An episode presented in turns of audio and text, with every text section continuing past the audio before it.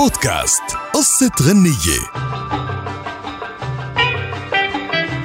قصة غنية لليوم واحدة من روائع السيدة أم كلثوم كوكب الشرق وهي بعنوان أغدا ألقاك. الرواية الأولى لقصة هالأغنية يقال أن الهادي آدم الشاب السوداني اللي كان آنذاك طالب بجامعة القاهرة بمصر أحب فتاة مصرية طالبة معه وجن بها واتفقوا على الزواج بعد ما يتخرجوا. ولما تخرج تقدم لعائلتها لخطوبتها ولكنه جوبه بالرفض الشديد من قبل والدها وأرسل العديد من الشخصيات للوساطة ولكن لم تفلح كل هذه الأمور. عاد بعد الشاب إلى وطن السودان وضل حزين ومعتكف الناس واتخذ من ظل شجرة مقر لإله باكيا على حبيبته.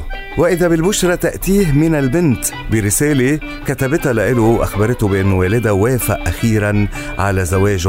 فكاد لا يصدق الخبر وطار من الفرح بانتظار الغد كي يذهب إليها ويخطبها وبدون شعور ذهب إلى الشجرة وسحب قلمه ليكتب هذه الأبيات.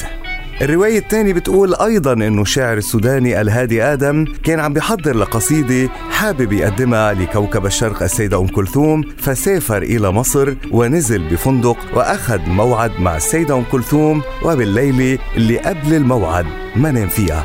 لأنه كان خايف وقلقان ولكن الأمر عادي. لأنه مش بالسهل تنجح أمام أم كلثوم وتنافس كبار الشعراء اللي غنت لهم. وبينما كان سهران قال هذه الأغنية أغدا ألقاك. هي مش الأغنية اللي كان عم بيحضر لها من قبل وكانت كلماتها بين الرجاء والخوف من القادم. كتب الهادي آدم هذه الأغنية ليقدمها باليوم التالي لكوكب الشرق السيدة أم كلثوم مستهيبا من الموقف.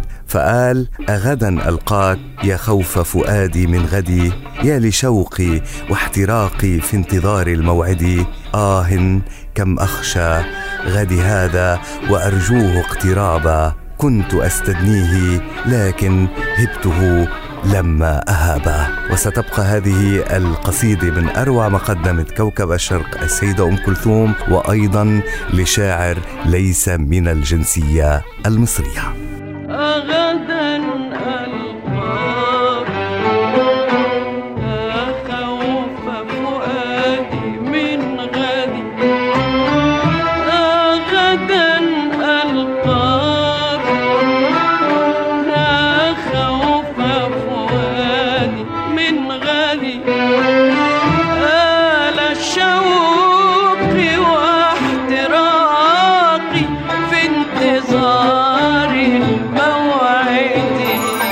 بودكاست قصة غنية.